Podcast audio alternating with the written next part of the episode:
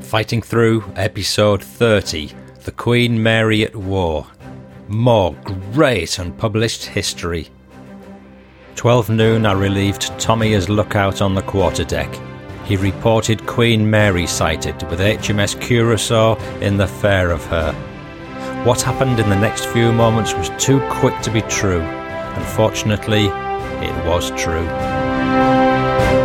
For three days, I didn't care whether I lived or died. That's how bad it was. I would never forget Christmas 1942. The escort for the American trip was organised like a relay race, with six destroyers positioned in pairs across the Atlantic. Whilst I wash my clothes, I hear the ship's guns open up. A chap dashes in and says, Put on your lifebelt. I watch from the porthole. Hello again. I'm Paul Cheall, son of Bill Cheall, whose World War II memoirs have been published by Pen and Sword in Fighting Through from Dunkirk to Hamburg. The aim of these podcasts is to give you the stories behind the story. You'll hear memoirs and memories of veterans connected to Dad's war in some way, and much more. This episode is about the ship the Queen Mary, which during World War II was used as a troop transport ship. And as you're going to find out, what a beauty she was, but also what a brute in a way.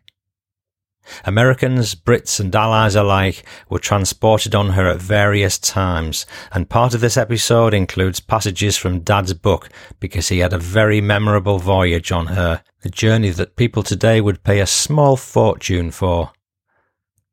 I've also got several more stories to share with you about the Queen Mary, but first a tiny bit of background about her. According to Wikipedia, in March 1940, Queen Mary and Normandie were joined in New York by Queen Mary's new sister ship, Queen Elizabeth, fresh from her secret dash from the Clydebank shipyards in Scotland. The three largest liners in the world sat idle for some time until the Allied commanders decided that all three ships could be used as troop ships. Normandie was destroyed by fire during her troop ship conversion. Queen Mary left New York for Sydney, Australia, where she, along with several other liners, was converted into a troop ship to carry Australian and New Zealand soldiers to the United Kingdom. In the Second World War conversion, the ship was painted navy grey. As a result of her new colour, and in combination with her great speed, she became known as the Grey Ghost.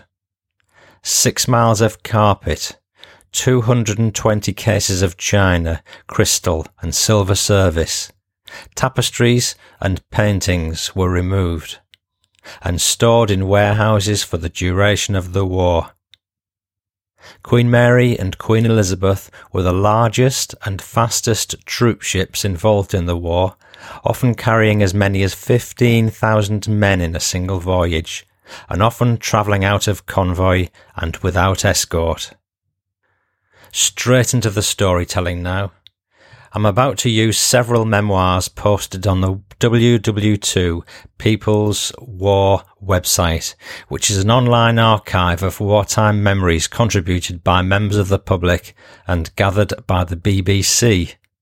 So if you're looking for a great history website with more great unpublished history, look no further. It's crammed with memoirs and memories posted by members of the public about wartime happenings. There's a link in the show notes. And here's my first story. The sinking of HMS Curacoa by the Queen Mary. It's about a ship called HMS Curacoa and the devastating collision which took place with the Queen Mary. The Queen Mary was returning to Glasgow from New York, and she was sometimes escorted by other ships, especially upon her return to land. I've got two uh, eyewitness accounts from sailors who were on hand at the time. The incident happens just off the Irish coast, and this first one is written by a sailor on board a nearby ship. Able seaman on watch, Enoch Foster. I was drafted to HMS Bramham, May 1942 to March 1943. I arrived in Scotland Thursday, June the 5th, 1942. My ship was a new one. She was lying in the River Clyde. Her name was HMS Bramham, Hunt class destroyer. A pretty looking ship, but that was all. She was not built for as many hands as she had, so several of the boys had to sleep on the mess tables and lockers. We provisioned and ammunitioned the ship for the first two days and made ourselves acquainted with the guns and different parts of the ship. It was on the 8th of June 42 that we sailed down the Clyde to do three months of trials. Ship and guns were given all they could take, and still she kept going. The first job we did was to take the King and Queen from Scotland to Belfast with the HMS Bicester, our sister ship, also the HMS Phoebe, uh, also a new commissioned ship, a cruiser. We had several escorts both ways and the trip was a quiet one. When the ship arrived back in Scotland, we had a short boiler clean. The Navy had their job to do, and it was up to every man to do his best to achieve victory for England and home.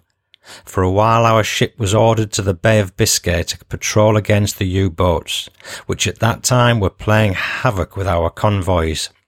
For days we would see nothing, only the sea, sometimes smooth, which to us on board was a bad omen. We needed to be on the alert more so when the sea was running calm. It was whilst we were doing a spell of Biscay patrolling that we were introduced to the first radio controlled guided missile operated by German aircraft. We named it Chase Me Charlie.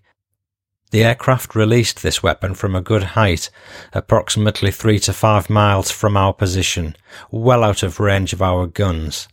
From his plane, the pilot could guide this weapon almost anywhere, no matter how much we zigzagged, that missile would be following.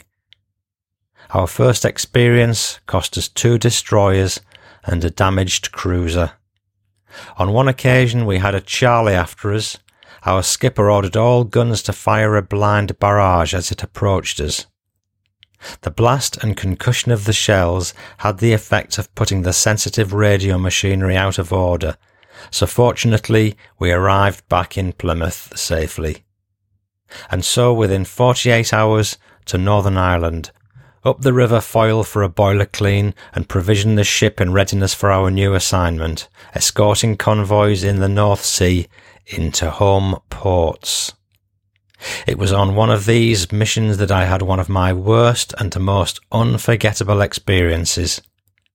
We were on patrol and well on our way to contact and escort the Queen Mary into safe waters. She was bringing a shipload of Yanks to England. Everything was going well in the forenoon. The sea was ideal with a fair roll. Overhead, a low, misty cloud, grand conditions to feel safe from subs and enemy planes. It gave us boys not on duty an opportunity to write letters home and make and mend, or tidy up the mess deck. 11 a.m. Up spirits, have dinner. 11:30 a.m. Get ready to relieve Red Watch at our appointed duties and lookout stations. 12 noon, I relieved Tommy as lookout on the quarterdeck. He reported Queen Mary sighted with HMS Curacoa in the fair of her. What happened in the next few moments was too quick to be true. Unfortunately, it was true. I glanced and saw Queen Mary and Curacoa. They seemed okay from our position. Tommy and I put a cigarette in our mouths. I lit a match, gave him a light, lighted my own, and looked astern.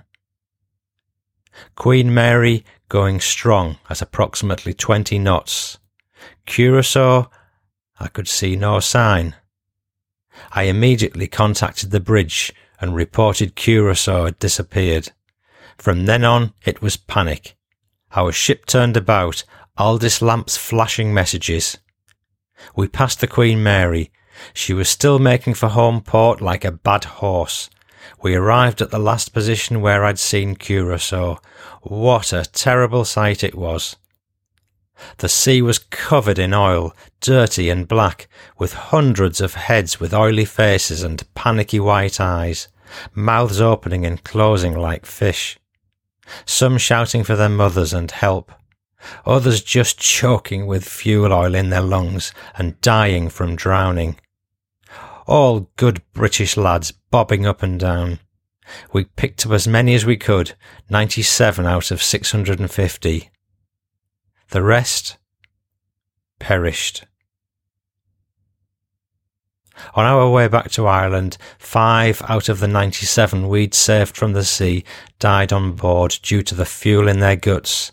All that destruction in the time it takes to light a cigarette. After that incident, it took me a while to settle. It played on my mind, and for nights sleep was hopeless. It all happened during the watch changes.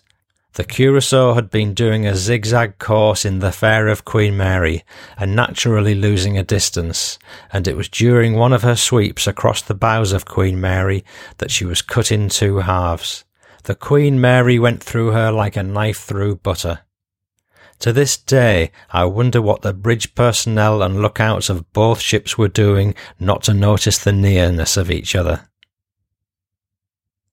Now, there's a few notes here that uh, this chap's written, taken from a press article. Um, in 1942, while approaching the Clyde, the Queen Mary was met by HMS Curacoa. However, someone made an error of judgment. Lookout on HMS Curacoa had reported a suspected U-boat sighting. HMS Curacoa went across the Queen Mary's bows in chase of the submarine and was hit amidships by the Queen Mary and was sliced in two, the two sections ending up 100 yards apart. 338 men died in the accident, and 108 were later picked up from the water by destroyers. The Queen Mary did not stop, as were her orders. She had 15,000 American troops on board, bound for the UK. Such was the impact, the Queen Mary's bow plates were folded over for about 40 feet back into the vessel. A few months later, 700 miles off Scotland, the Queen Mary was hit by a freak wave, which rolled her over onto her side. She eventually righted herself, but it was estimated that had she gone over another five inches or three degrees, she would not have come back, and would most certainly have sunk. At the time, she was fully loaded with US troops. This is a second uh, viewpoint on the Curacoa tragedy. It's contributed by Brighton CSV Media Clubhouse and uh, it's written by a chap called Alfred Johnson. It was 1942 and I was 22 years old and a seaman in the merchant navy on the Queen Mary. We were returning to Glasgow from New York, which was a four or five day journey. The Queen Mary was carrying about 15,000 American troops to join the Allied forces. She was known as a hornet's nest in the war as there were lots of nationalities on the ship. There were two of us on the poop deck in the aft of the ship, and we were manning the six inch gun in case we came under attack. What good we could have done with one gun, I've no idea. A cruiser called HMS Curacoa met us 200 miles off the coast of Ireland to escort us into Greenock in Scotland. I could see her clearly as I was on the aft. We could see our escort zigzagging in front of us. It was common for the ships and cruisers to zigzag to confuse the U-boats. In this particular case, however, the escort was very, very close to us. I said to my mate, you know, she's zigzagging all over the place in front of us. I'm sure we're going to hit her. And sure enough, the Queen Mary sliced the cruiser in two like a piece of butter, straight through the six inch armoured plating. The Queen Mary just carried on going. We were doing about 25 knots. It was the policy not to stop and pick up survivors, even if they were waving at you. It was too dangerous, as the threat of U boats was always present. My mate and I wanted to do something, so after the collision I said to my mate, Come on, let's sling this over, and we released a cork life raft into the sea. Whether anyone from the cruiser managed to climb aboard the raft, I've no idea. The Queen Mary continued her journey to Greenock, dropped anchor, and discharged the American soldiers. In her wake, a tragedy was unfolding behind her in the Atlantic. I wonder what they told the families of those men on the cruiser. The loss wasn't publicly reported until after the war ended, although the Admiralty filed a writ against Queen Mary's owners, and eventually the House of Lords assigned two thirds of the blame to the Admiralty and one third to Cunard White Star, the owners of the Queen Mary. So, listener, I think all that makes an interesting backdrop to the rest of this podcast episode. What a tough brood that Queen Mary must have been to survive that collision. And it fascinates me that given the damage that occurred to the Queen Mary's hull that October, it's highly likely that the next voyage out was the one in December 1942 when she carried my dad on his epic cruise to the Middle East. Spooky or what? But they do say that the Queen Mary is haunted in modern times. Over to Dad's memoir. Before I start, I want to share with you a short but sort of poignant experience I had, which reminded me of Dad's story and, uh, to a degree, inspired me to crack on with the episode in the first place. I live in Norfolk, England, in the countryside. I cycle as often as I can to keep fit, and uh, just last week, end of May, I took to the tarmac for an early morning sprint. It was a beautiful dry day, sun not long up, with signs of an unblemished blue sky above. It was a, a, a fresh, cool temperature, though not cold, just perfect for cycling, really. And uh, I was trundling along the road, and uh, suddenly this pheasant jumped out of the uh, undergrowth and, and startled me.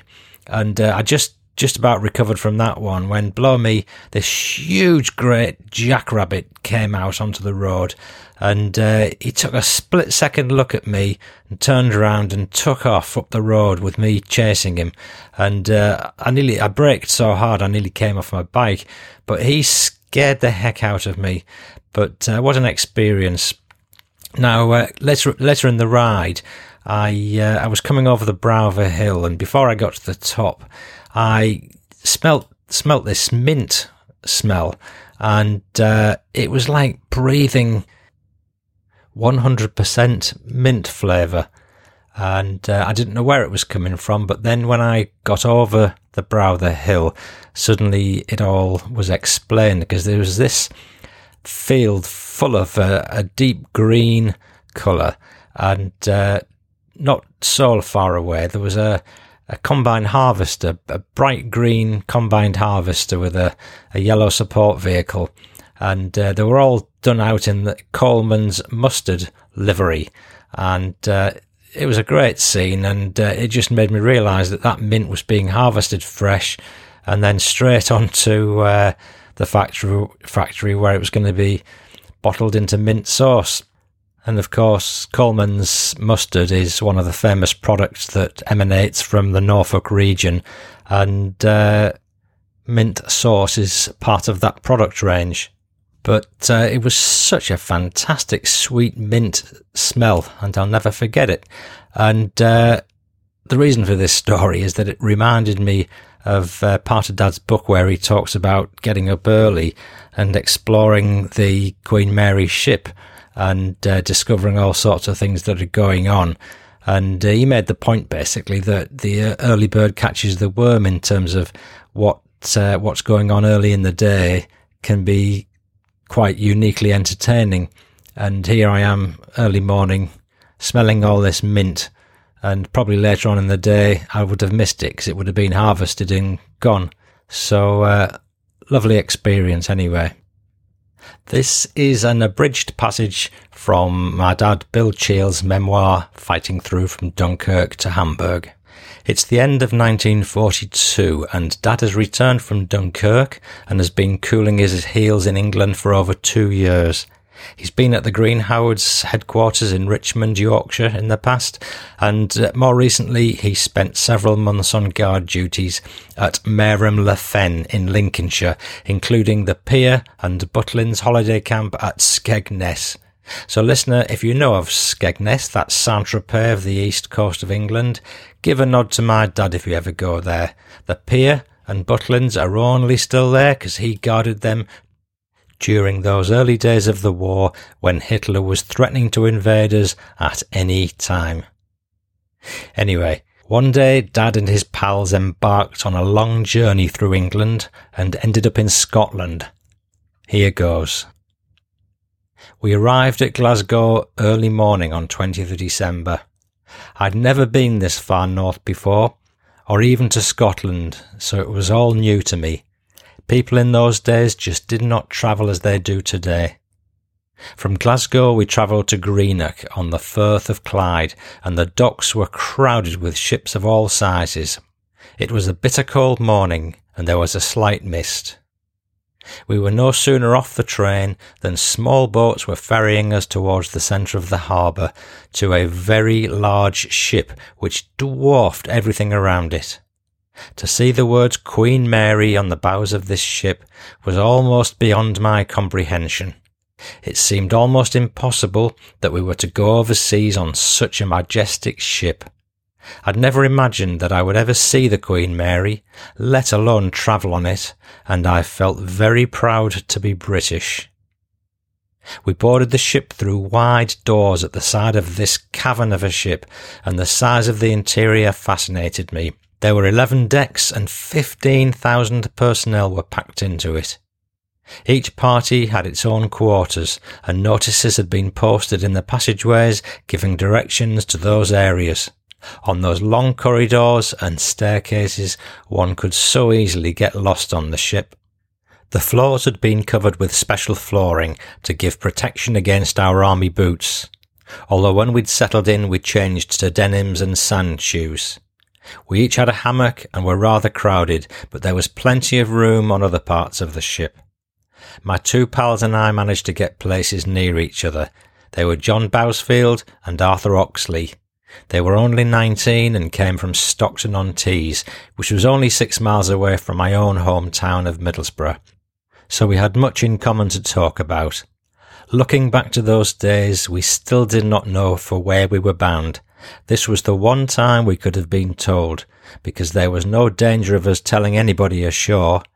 We just lived each day as it came. We sailed on 23rd of December 1942 and without an escort, which surprised us, but we were told that the ship's speed made it unnecessary. All I could feel and hear was the steady throb of the powerful engines and the rise and fall of the ship as we headed out into the Atlantic. It was not very long before we were feeling most miserable. Anybody who has never been seasick cannot have a clue how rotten it makes one feel. Well, despite the size of the ship, the speed of it was causing it to toss about quite a bit. Consequently, we were all very seasick, and it was awful. For three days I didn't care whether I lived or died. That's how bad it was. Christmas had been and gone before I recovered, I will never forget Christmas 1942.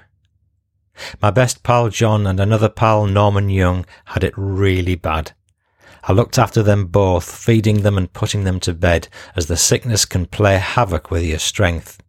We gradually became used to the roll of the ship as it cut through the water, and began to explore the ship, and only then realized how large it was. The boat deck and the engine room were out of bounds. The cabins had been largely removed and the hammocks hung three high between uprights, and the passages between the hammocks were three feet wide. I dread to think what would have happened had we been torpedoed. There were two very large dining rooms, one of which was a boarded over swimming pool. There were three sittings in each of the dining rooms, and we were all given a card to show when collecting our meal from the cafeteria and the food was excellent and plentiful. The only training we did was strenuous exercise on the open deck, which would be 18 feet wide along the length of each side of the ship, and it had windows all along the seaward side. There was no way we could do any other kind of training as we were far too crowded, but we put white shorts on and walked for hours. We also sat around a great deal, particularly on the promenade deck, which was long and wide, with large windows running the whole length. We'd laze around, talking, playing cards or singing. Some would have a wrestle for fun. We also played housey housey, bingo. I remember that John, Norman and I used to go to the housey run by the canteen whenever we had any money. It used to take one penny, though we were almost always broke. Housey took place on the large landing, which was atop a wide staircase in front of the canteen, and that landing became my haunt as I sat there, on the floor, no chairs, for many hours, reading and writing or just thinking. I made myself a pair of white shorts out of a piece of material I found. My pals always knew where to find me, on top of that landing.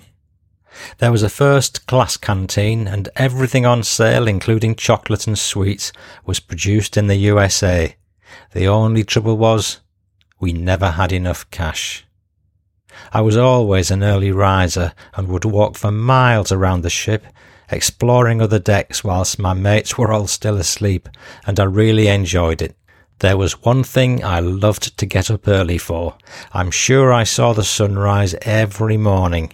It was magnificent when upon a calm sea that great red ball seemed to be rising out of the water. The beautiful sunsets too had a fascination for me. They were creations of the Almighty, and I've never seen anything like it. On one of my walks, I became acquainted with a member of the crew, and I told him I must have been all over the ship apart from the engine room, whereupon he said he'd have a word with his superior about me. So next morning, I made it my business to walk where I knew I would see this man. He too was looking for me. Consequently, he took me to see the engine room. It was like a dream. Everything was so spotlessly clean. The engines would not have been out of place in a cookhouse, and the engineers were almost sociable, having been told of my curiosity. It was incredible that what I was looking at was driving this huge ship and its human cargo. I could not take in the enormity of it. That was an experience I knew I would never forget. The deep throb reverberating throughout the ship but nothing would make up for the sad events waiting to happen.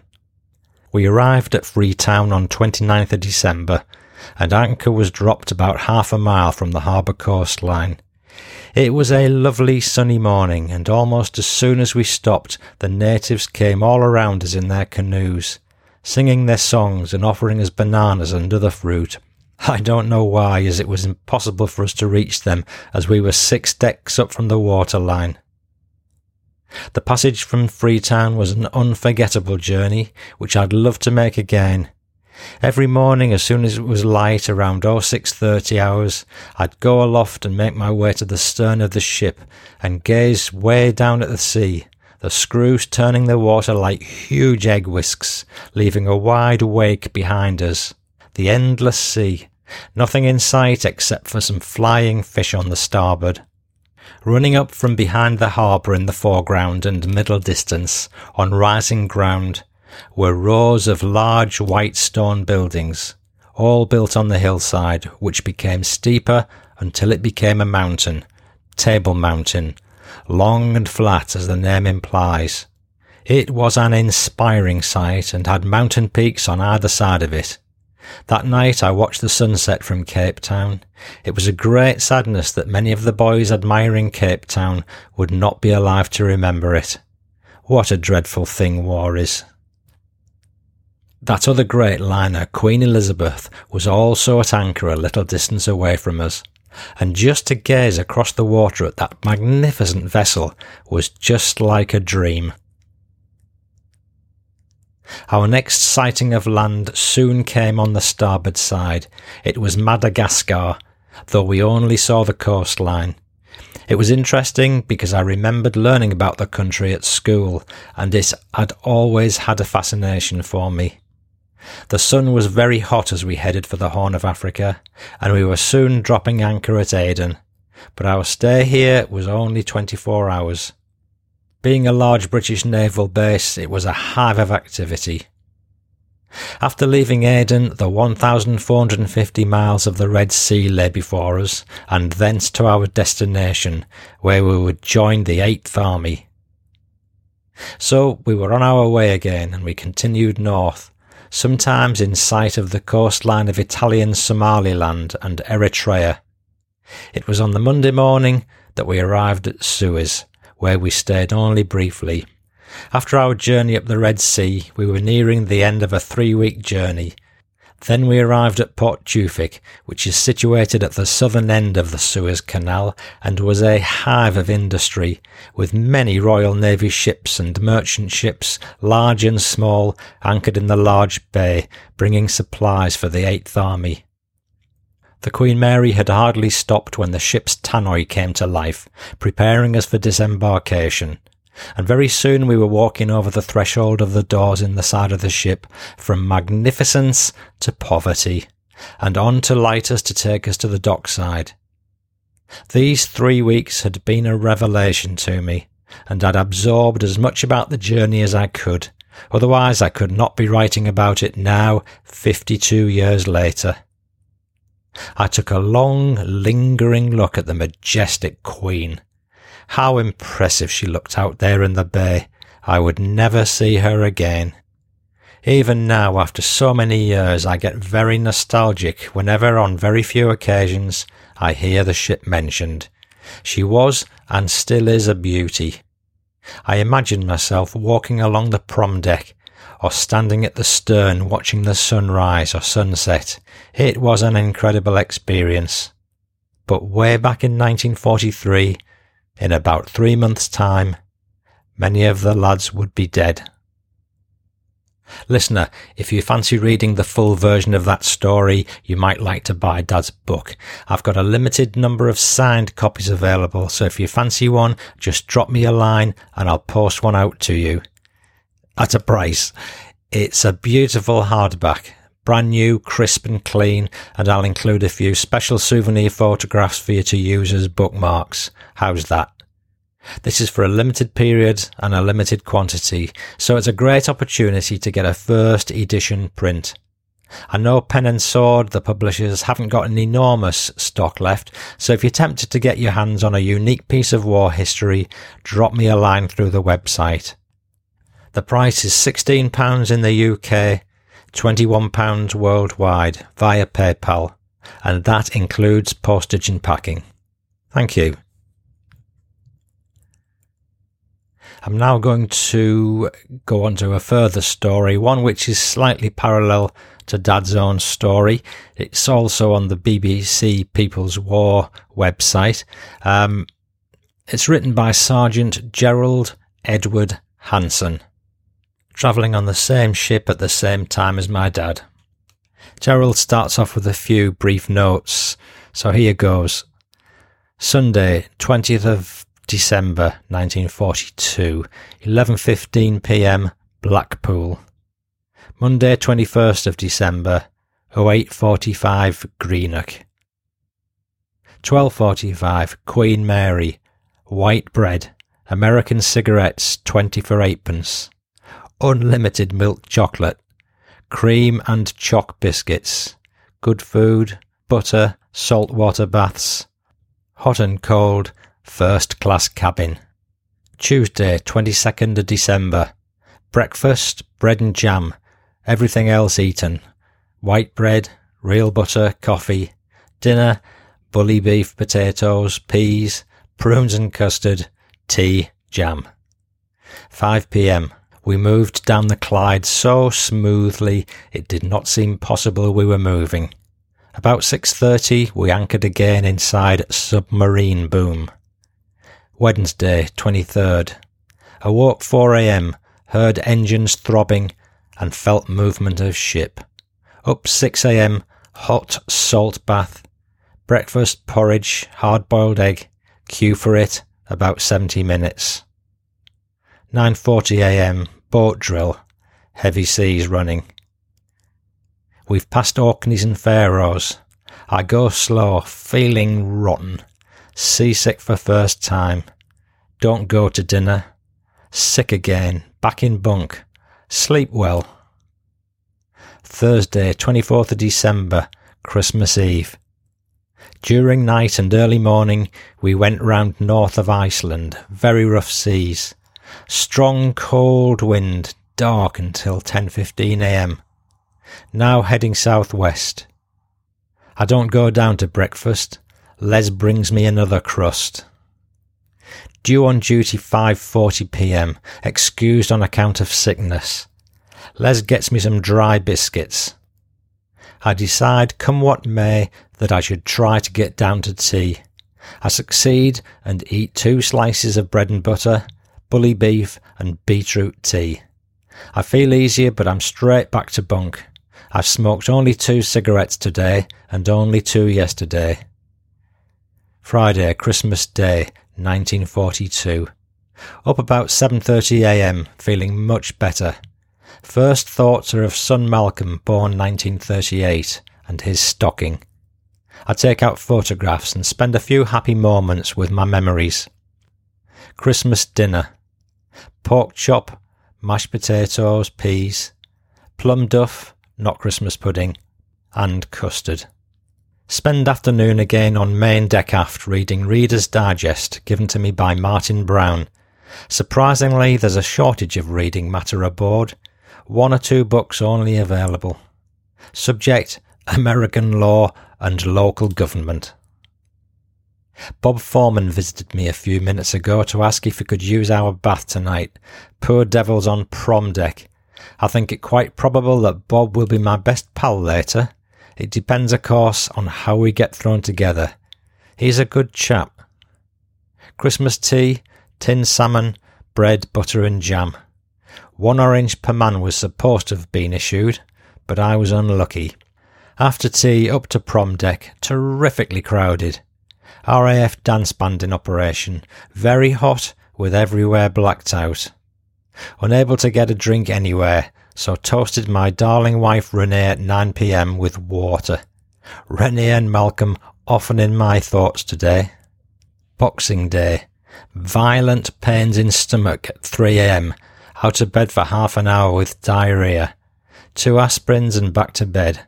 Slept until six. Spent afternoon on main deck aft, reading Reader's Digest and Miscellany. It's already noticeable that we're heading away from winter. A couple of days ago we were wearing scarves, greatcoats and balaclavas. We've abandoned these now. I'll leave off my pullover. We always have coffee for breakfast. I would always prefer tea. Duty again 10 o'clock for an hour and a half. This time I'm not so fortunate. I'm on duty at number two staircase main deck, controlling movements up and down and trying to stop troops using doors to offices and ATS quarters. Besides attempting to answer innumerable questions, the answers to some of which I'd like to know myself. Everybody gets annoyed. I do too, most fervently myself, at the restrictions placed on troops' movements. There are so many staircases, corridors, and parts of the ship, all the best, of course, from which troops are excluded. The officers, on the other hand, seem to have the run of the ship. I have never seen such class distinction carried to such extremes. Why it should be, I cannot conceive. It's very nice for the officers, but in the men it has a bad effect on morale. The only respect I've seen or heard of accorded to officers is an unhealthy respect for the authority they wield. How we ever win a battle if such conditions prevail in the field is to me incomprehensible. As we went into the saloon for tea, we were each issued with an apple, saved mine for the morning. After tea, I changed into tropical kit with shorts. Not that I'm going sunbathing, but tropical kit is permitted as from this afternoon. And in the evenings, it's so hot in the enclosed promenade deck. I went up there with pals and we spent the evening sitting in a dark corner chatting. It's almost dark all round as only dim lighting is provided on this deck. 10pm to bed. Tonight's the first night I've undressed and worn pyjamas. Last night was the first time we were permitted to undress. I drop off to sleep feeling hot and sticky, the one blanket provided not being used. The bunks are provided with one blanket, one white sheet, pillow, and white pillowcase, and they are very comfortable. During the night, I woke up feeling very cold and was very glad of the blanket. Wonder why it is that I've dreamed every night since being afloat. I expect it's the noise and throb of the engines. 28th of December. Out of bed 7.30 and straight into bath, then breakfast, sausage, porridge, marmalade, etc. Made a good meal. Straight away changed into PT kit for PT at 9.15am. Only 15 minutes of it, but thoroughly enjoyed it. First time we've had it on the voyage. This morning we saw our first flying fish, hundreds of them trying to get out of the way as the ship dashes along equatorial waters. The weather getting quite hot, and yet the speed of the boat creating a cooling breeze as we stand forward now and again. A little spray splashing on our faces. This surely must be the nicest part of the journey. To continue can only mean hotter and hotter weather with attendant discomforts. With blackout at 8.15, we're all shepherded inside and the hot atmosphere inside seems almost solid. I go below immediately, then decide I need a smoke, so go back to prom deck, but only stay two minutes, as the atmosphere is so hot as well as smoky. I pity the poor devils who are living on this deck. Down in A59 again, I remove all my clothes. No easy job this, as my gym vest sticks and seemingly will not be removed, but success crowns my efforts at last. I stagger round in the nude for a while and spend some time in front of the electric fan. Then I don my pyjamas and heave myself into the bunk. Sweat just rolls off and my pyjamas are soon wet. Sleep, however, is not long in coming. 29th of December. Breakfast as usual, then up to boat deck for a breather. The sea is wonderfully calm, just like a pond, now and again disturbed by some sea creature, but otherwise almost still. The ship cuts its way easily and smoothly through the water, and the wash curls lazily back as though the water is loath to be disturbed. Boat drill, 9:45 a.m. finds me on boat deck and I keep edging to the back of the crowd, hoping there will not be room for all of us on the prom deck and that I may stay above. My crafty move works, thank goodness. I stand there leaning over the rail about 60 feet up. It's getting hot and uncomfortable standing about, so we sit down and shortly there's excitement. A Hudson plane goes over, so we can't be a long way from land. More excitement. Ships in sight about 11:30 a.m. A convoy. Although our speed seems a good deal reduced, we pass the convoy in a comparatively short time. Excitement again, 3 p.m. Gunboat coming towards us, cheers from the lads, followed immediately afterwards by louder cheers as a destroyer comes near. Then greater excitement as somebody shouts, Land ahoy! Everybody jumps up excitedly, but I can't see anything. Next, everybody's ordered off main deck forward and boat decks. I go below to draw my emergency rations and mosquito cream. On returning to main deck, I find all the shutters open. Why the hell haven't they been opened before? And that we're entering a harbour on the starboard side and within about half a mile of land, and what a sight! Mountainous country completely covered with tropical vegetation, palm trees, beautiful lagoons. The earth is almost red, the green trees mostly almost evergreen dark. Boats begin to draw alongside as we drop anchor at about 4 pm. We're at Freetown, Sierra Leone and have called mainly for oil and fresh water to last us on the four to five thousand miles trip to the Cape. The natives forming the major part of the boat crews are black, not brown, but sooty black. The chaps start dropping pennies, packets of cigarettes and biscuits, for all of which the locals scramble eagerly, but most eagerly for the money. Orders for the day preclude any trading with the natives, and everybody's very disappointed, as there were great hopes of obtaining some fruit. Tea over, we're back on main deck forward. There's no blackout at a free time, so we're allowed on deck until 9:30 p.m. But with sundown, we must wear slacks tucked into socks, shirt sleeves down, collars fastened at the neck, and all exposed parts smeared with mosquito cream. It burns and is very greasy, but the smell is not unpleasant. On a cargo boat alongside, we see two dogs, two monkeys, and a cockerel.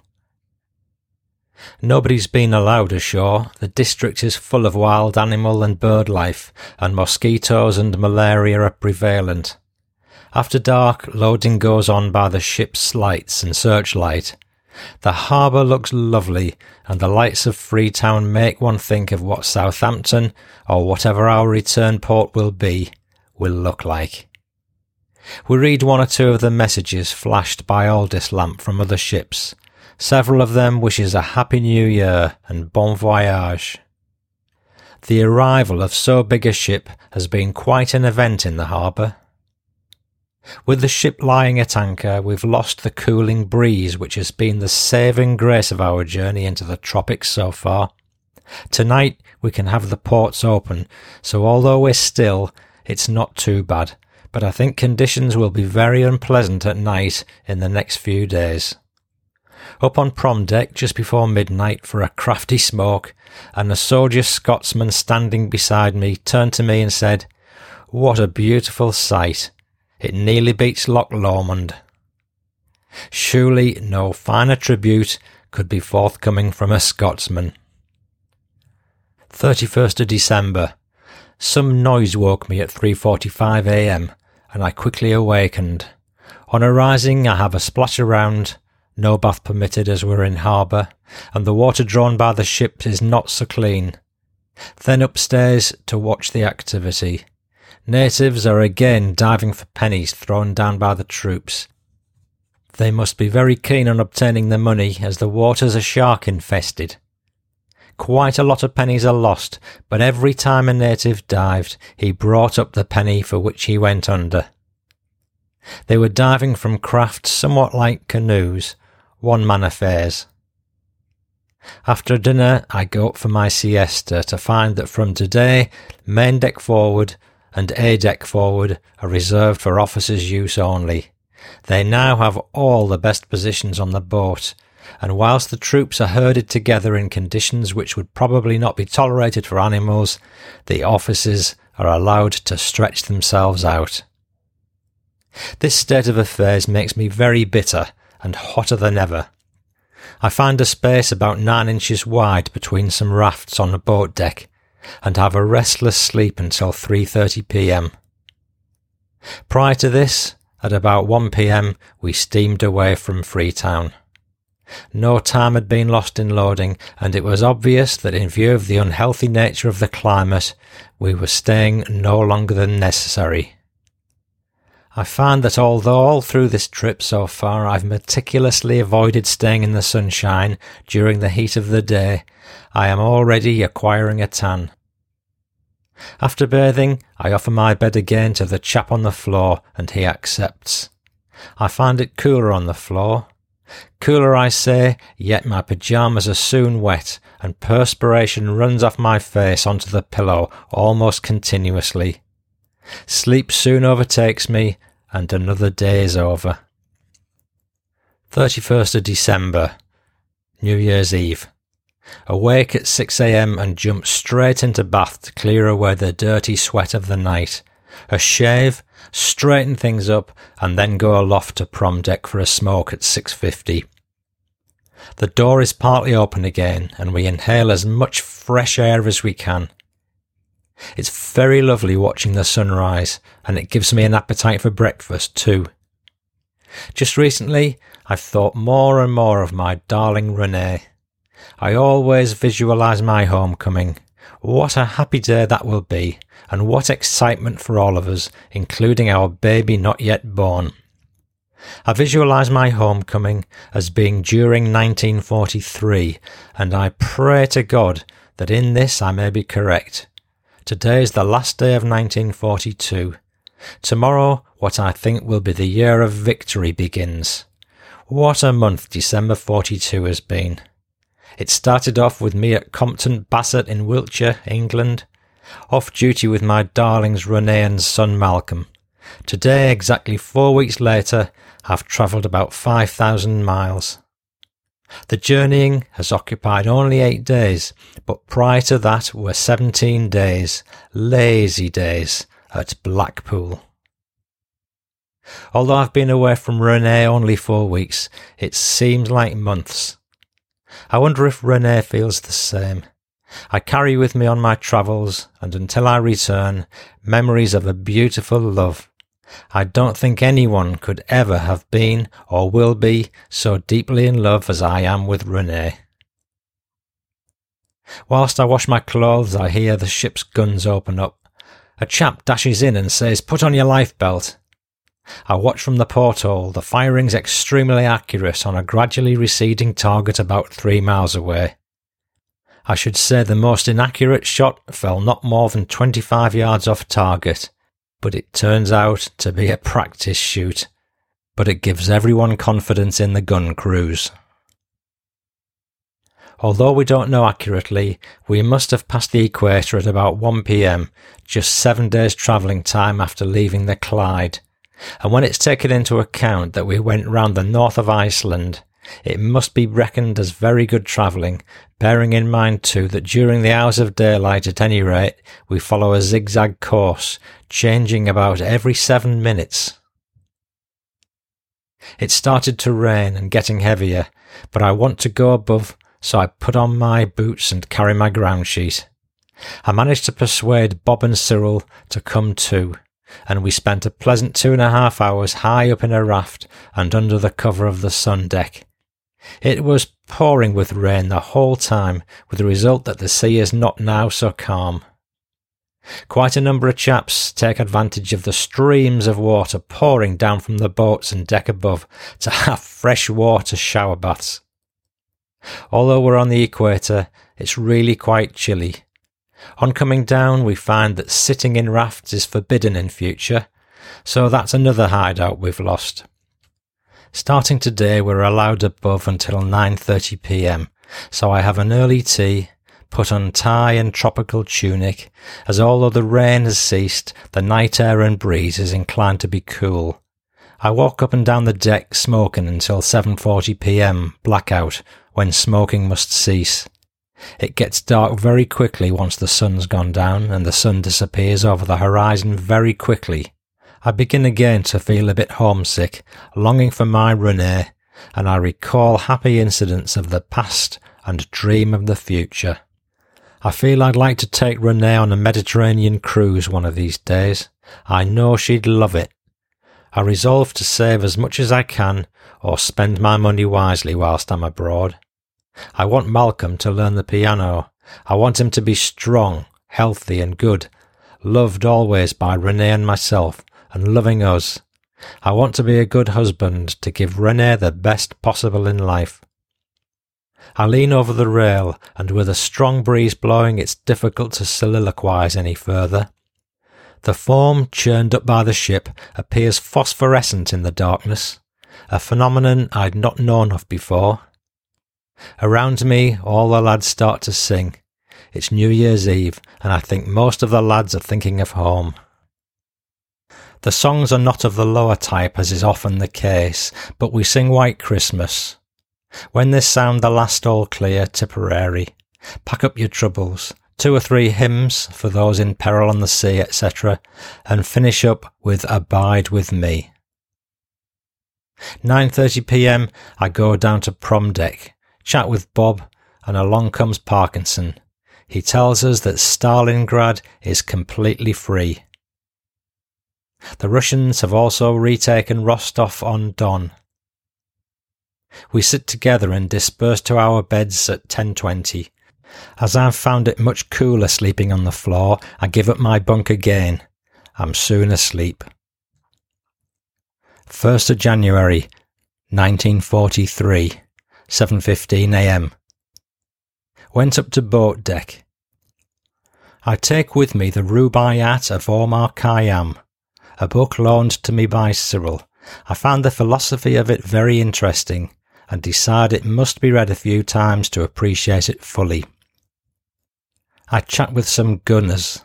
They're thoroughly browned off with the way they're being treated. Although we're in the tropics, they still have to clean their greatcoat buttons, and these are inspected daily. They scrub their webbing and parade to check that their changes of clothing are clean. After dinner, back again on boat deck, the only piece of open deck now left to us. The last remaining piece of open deck otherwise left to us was handed over to the officers this morning. The sun is just about overhead today, and I should imagine we're at what would be the hottest point. There is, however, a strong wind blowing, and it feels about 60 miles an hour. The wind's mainly warm, though, but there seem chilly gusts now and again. Tea, rotten American sausage, which I leave alone and have three slices of bread and jam instead. After tea, the four of us adjourn to boat deck aft. It's quite chilly, and though we're in tropical kit, we wear our khaki drill tunics. These have not otherwise been necessary until after sunset. 4th of January. Up at 7.15am, straight into Bath. The sea seems very rough this morning. The ship is pitching and tossing something awful. I don't mind the rolling from side to side, but the pitching and tossing doesn't suit my stomach. At this early stage of the day, I fear I might be seasick again. There's a very strong wind too. I think we must be approaching the Cape of Good Hope, as of course the Cape is noted for its normally foul weather and rough seas. It is possible that we may be docking tomorrow, but we know that unless we disembark here, we will not be going ashore. 5th of January, 4am on duty. Nothing doing, of course at about 4:50 a.m. as I was reading choice passages from Omar Khayyam to Martin, Jolly, and Corporal Pallett. A second lieutenant came out into the corridor and said, "Stop that BF row." Obviously, he had an unappreciative ear. So I continued my studies by myself. 6 a.m. I was back on the floor in room A59, but got so many kicks and knocks it was impossible to sleep for hours. All this time the boat had been tossing something awful, but fortunately did not upset us. Blondie tried opening a porthole at about 6.45 and was himself nearly blown over. The noise of the wind was as though an express train was coming through the porthole. Everybody woke up and Blondie, struggling hard, managed to close the porthole again. At 8:40 a.m. he tried again. The wind had subsided somewhat, and we were all surprised when Blondie said he could see Table Mountain rising out of the mist directly ahead. I had a look and then went to breakfast. On return, I found the sea perfectly calm, the wind gone, and we were steaming steadily into the harbour of Cape Town. I went up to the boat deck to see an entirely different scene to that which confronted us at Freetown. This time there were higher mountains. The impressive sight of Table Mountain itself and a conspicuous absence of vegetation. Later, I saw more trees than at first glance, but nothing like what I'd expected. On the other hand, we saw a modern looking town nestling at the foot of the mountains, with buildings of six or eight stories looking no bigger than dolls' houses against the background. Factory chimneys looked like toys too. We're all disappointed. Nobody is allowed ashore. Not that I could buy anything, as my resources at the moment amount to one farthing. In the evening it becomes quite chilly, and as we go to bed the cabin starts creaking, and we realise that once again we're on our way with the expectation of putting our feet on dry land once again in 10 to 12 days' time. We're expecting rough weather tomorrow as we round the southern side of Africa before turning north. 8th of January, 2:30 p.m. and we have our first pay parade since being on board and the first pay I've received since leaving England.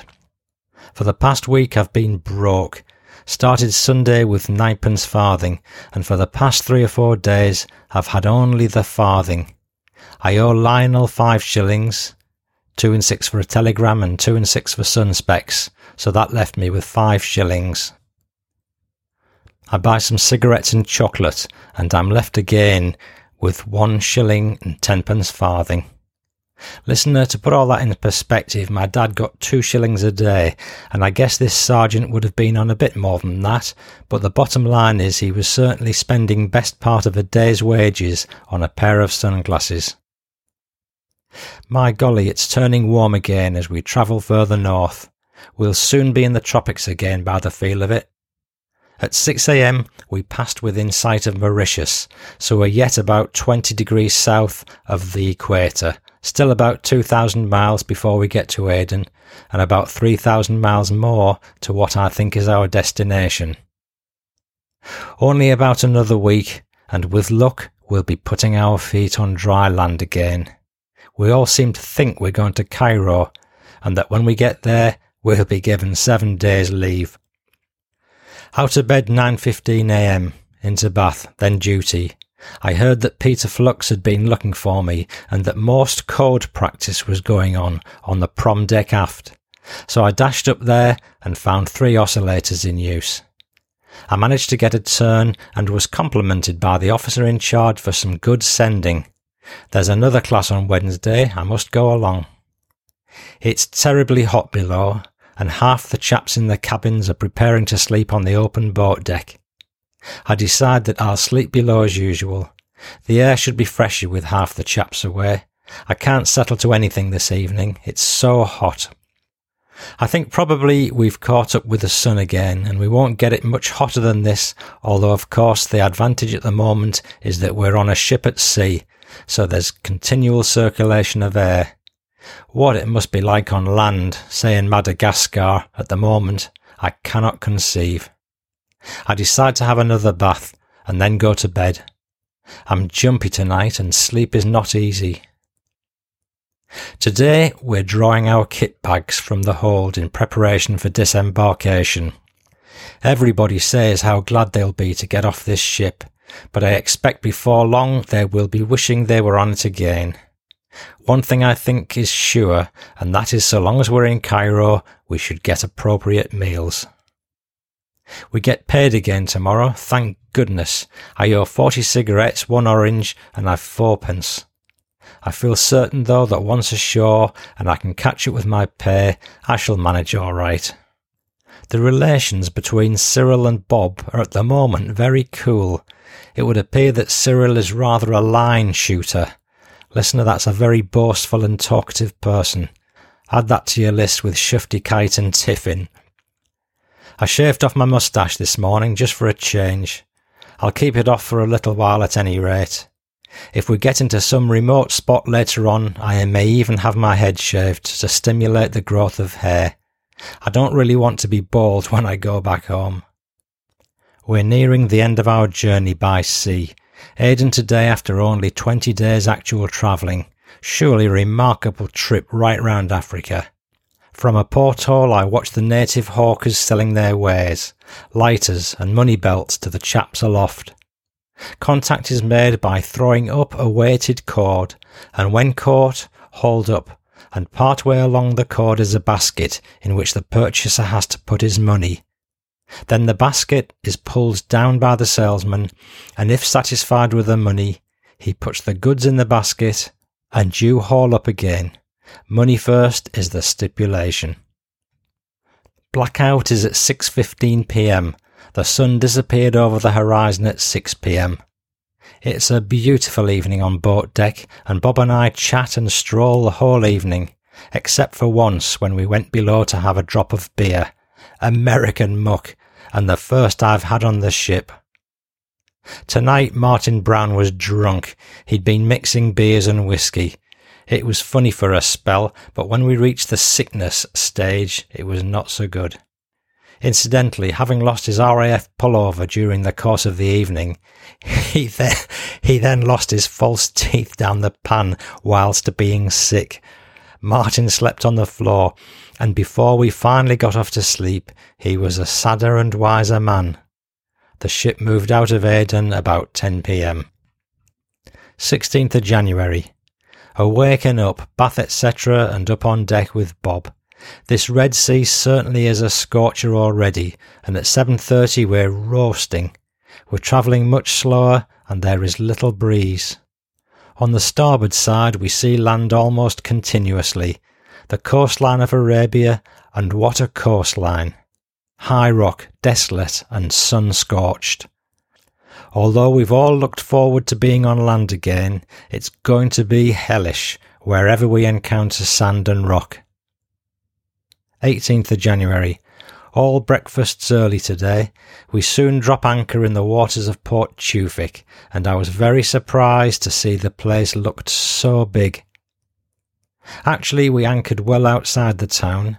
I expected to see little more than a couple of tenders to take us off, and railhead to take us over land. On coming up from breakfast, we're told to parade immediately in full marching order with all our kit as the RAF is disembarking first. It's fairly warm with all our kit on, and we leave with very mixed feelings, wondering what's in store for us. I took my turn down the gangway to the rather large barge that was alongside. As we moved off, all the decks were crowded, and we were able to get a really good view and idea of the size of the ship which had brought us on such an uneventful yet never to be forgotten journey. I set foot on land at 11 a.m. and then jumped straight away onto a lorry. I'm with Jock, Ozzy, and others. As we ride off, I think that less than a month ago I was still in Blackpool, and now I'm in Egypt. Sergeant Gerald Hanson, RAF. Jerry Hanson remained in Helwan, south of Cairo, for the duration of the war, teaching Morse and some driving. He returned to England overland via France in December 1945 and was demobbed in January 1946. He went back to his job in the post office, eventually becoming head postmaster at Bromley and Beckenham, not that far from London. He retired 1971 and lived with Renee on the Isle of Wight until his death in 1991. Oh, wasn't that good? For me, that was a great diary because it complements Dad's own account and fills in so many details, such as what, what Dad had for Christmas dinner, pork chops, and uh, how lucky was Gerald to have a regular bath because he was in a first class cabin. I bet Dad never had more than a shower all the time he was on board, and his sleeping accommodation was a hammock, and there were three to a level, and possibly more in every cabin, I don't know. Goodness knows. Needless to say, if anyone from Jerry Hanson's family is listening, do get in touch as I would absolutely love to hear from you. We're into 1944 now, and this is a story about uh, the Queen Mary escorting a mystery guest, and it's by Eric Cowham. In 1944, I was a crew member on HMS Matchless, a destroyer usually occupied with merchant ship convoys in northern waters. Some time in 1944, possibly in the August, we were detailed to escort the Queen Mary across the Atlantic. Winston Churchill was on board the Queen Mary and was on his way for talks with the US President. And according to Wikipedia, he was listed on the passenger manifest as Colonel Warden. The escort was organised like a relay race, with six destroyers positioned in pairs across the Atlantic. The Queen Mary was a very fast ship and could carry enough fuel to see her all the way across the Atlantic to New York. Although we were faster ships, we couldn't carry enough fuel for the distance involved, so each pair of destroyers escorted the Queen Mary several hundred miles to the next pair of waiting ships. The original pair of ships would then fall back, and the two new ships would continue the journey. In this way, the Queen Mary could maintain her speed without having to wait for her escort to refuel. On HMS Matchless, we were one of the last pair of ships in the chain waiting at the US side of the Atlantic. As we took up the escort and started the last leg of the journey, we ran into hurricane weather, and the Queen Mary was forced to reduce her speed to avoid structural damage. Engine room staff were on duty to shut down the ship's engines as the screws came up out of the waves. As to let them run free could have caused major damage through vibration. With the Queen Mary now travelling at a slow rate of knots, Churchill must have felt becalmed, and at one point we circled her towing a drogue behind us, so that Winnie could shoot at it with an anti-aircraft gun. As we were registering 40 foot waves at the time, I don't think he had many hits. The Queen Mary eventually completed her passage to New York, and we continued on to St. John's in Newfoundland. Listen to this next uh, memoir is about VE Day, a lady called Patricia Thomas who lived in Eastleigh near Southampton as a civilian. So this is her memory of VE Day, which includes a little bit of Queen Mary stuff. On 8th of May 1945, VE Day, the Queen Mary was in the docks in Southampton, and the celebrations included the sirens being sounded. We could hear them in Eastleigh. My uncle was disabled but drove a taxi in Southampton, and he came and collected us in the middle of the night. We all went to Southampton, where everyone had bonfires. We saw a car being burnt in the area in front of the bar gate, as everyone was so happy. It was so light compared to the blackout where there were no lights at all, not even in the windows or street lights. Well, listen, that's the uh, end of the memoirs. We've got some more stuff coming, so stay till the PS. But what a lovely way, or what a fitting finish or finale to the uh, episode because for the Queen Mary to be included in someone's memories of the celebrations after all the hard work she did during the war. Very apt, I think. Next episode. Now, I've had several pieces of feedback from listeners on various topics, but I'm saving those for another episode. But I will just mention this one. Hi, my name is Cole Gill from Canada. I just finished listening to your POW podcast. My grandpa, Ray Fitchett, was also a POW. He was captured in the Pacific after the ship he served on, the HMS Exeter, was sunk. I have a story written on his experience, and I'm currently in the process of getting his audio tape onto a digital file. My grandpa was at sea for two and a half years, and three and a half in a Japanese POW camp. Cole, thank you for getting in touch. Wow, three and a half years as a Japanese POW. Uh, what a story he must have to tell. I'm very much looking forward to hearing more and hopefully sharing it on the podcast at some future date. Keep in touch, Cole, please. You know what? I've got some great material in the offing for you. In just three weeks, I'm going to visit another WW2 veteran. His name is Stanley Perry, and I'll just give you a few clues about his war. Keywords tanks, Normandy, SAS, POW camp adjutant. Oh yes, Legion d'honneur. I'm beside myself with excitement and anticipation. I cannot wait to meet up with Stanley, but I'm going to have to. Anyway, I'm going to have Coffee with Stanley published at the earliest opportunity. Oh boy. Before that, I'm working on a special Women at War episode with an interview with my dear old mum. I'm going to be talking about her wartime recipes using carrots and sawdust, plus her experiences working in an armaments factory. I've also got a very poignant letter written by her on a short holiday she had with friends in 1943, around the same time that my dad was dicing with death in the hills and plains of Wadi Akarit in Tunisia, North Africa. Ironically, having arrived there on the Queen Mary. So, if anyone has any stories or anecdotes from their mothers or grandmothers, please drop me a line anytime. If you have a female relative who lived through the war, ask them what they did. Whether they were a fighter or a civilian, record it on your smartphone if you like, and I'll use it in the show. Can they remember being bombed? What did they do in the war?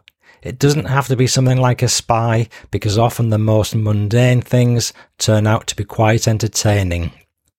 Like when a friend of my mum's asked her for help when she thought she was pregnant, and my mum's advice worked. Listen to the show to find out.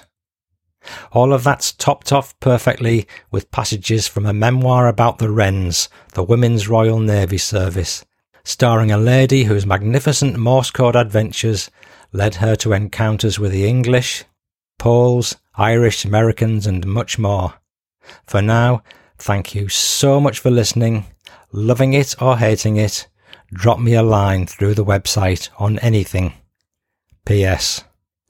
Anyone got any questions?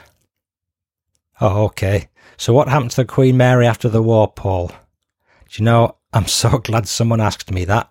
Immediately after the war, the Queen Mary took 22,000 GI brides plus babies back to America before, according to Wikipedia, being refitted for passenger service and along with Queen Elizabeth commenced the transatlantic passenger service for which the two ships were originally built. The ships dominated the transatlantic passenger transportation market until the dawn of the jet age in the late 1950s. By the mid 1960s, Queen Mary was aging and she was officially retired from service. She left Southampton for the last time on 31st of October 1967 and sailed to the port of Long Beach in California, United States, where she remains permanently moored as a hotel and leisure centre. And I've been looking at the brochure online, and uh, they say whether it's the authentic polished wood panelling, the original 1930s artwork, the Art Deco style, or the operable portholes, each stateroom is unique with its own personality and offers a real glimpse into what transatlantic travel was like during the 1930s, 40s, and 50s. From historic tours to paranormal attractions, shops, spa, and various events, there's a wide variety of things to do and see while aboard the ship. Well, I wonder if they managed to find my dad's old hammock hidden somewhere in a back room when they renovated. You know, I had quite a laugh reading the online brochure about the hotel because they mention accommodation, entertainment, tours, eating, sightseeing, shopping. It's funny, but having listened to this podcast, I think we already know all about these things, don't we? There is plenty of information online about the hotel, but my favourite anecdote is about a maritime history tour, where they say you will hear about the war veterans who came back to visit years later and laid down on the deck floor whilst telling their families, This is where I slept during the war. Sergeant Gerald Hanson, RAF, knew all about that Thank you so much for listening. Please do subscribe and hear me next time. I'm Paul Cheall saying bye bye now.